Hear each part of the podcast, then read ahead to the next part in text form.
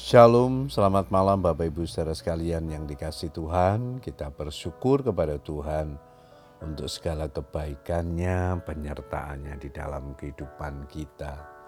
Malam hari ini kembali kita berkesempatan untuk datang berdoa kepada Tuhan.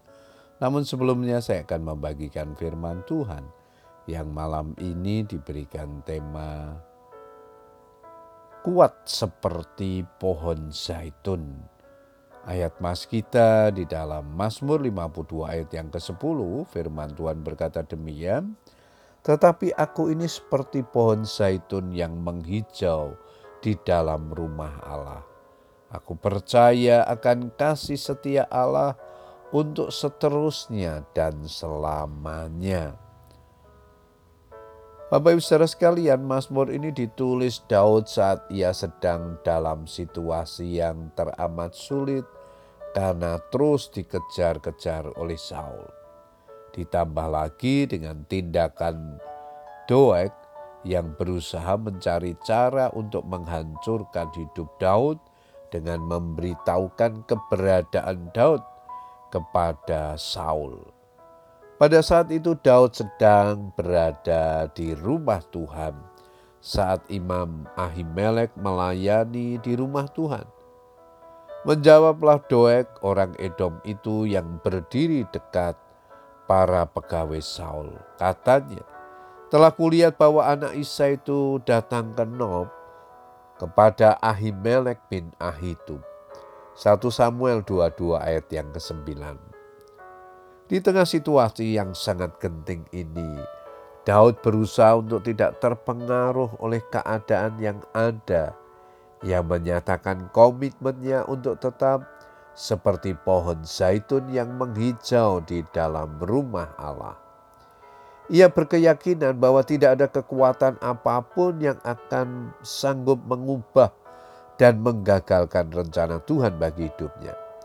Karena itu Daud berusaha untuk tetap kuat dan bersyukur sekalipun berada di dalam tekanan Aku hendak bersyukur kepadamu selama-lamanya, sebab engkaulah yang bertindak. Karena namamu baik, aku hendak memasyurkannya di depan orang-orang yang kau kasihi. Mengapa Daud menyatakan kerinduannya untuk tetap seperti pohon zaitun? Apa istimewanya pohon zaitun? Pohon zaitun adalah pohon yang memerlukan waktu yang lama untuk bertumbuh dengan kata lain, untuk bisa menjadi sebuah pohon yang kuat dan berlimpah buahnya dibutuhkan suatu proses yang tidak instan.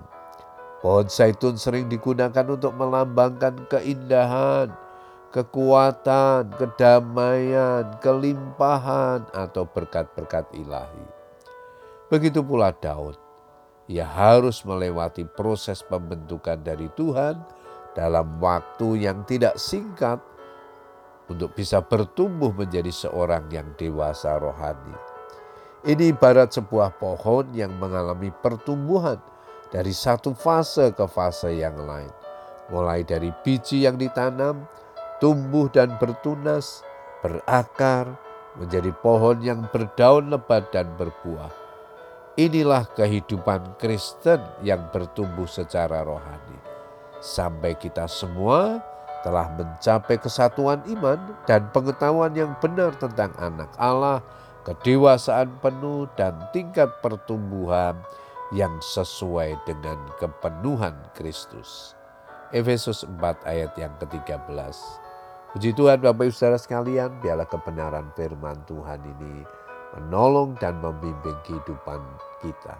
Tetaplah kuat seperti pohon zaitun dalam situasi apa pun yang terjadi, Tuhan akan menguatkan dan meneguhkan iman kita. Selamat berdoa dengan keluarga kita. Tetap semangat berdoa, Tuhan Yesus memberkati.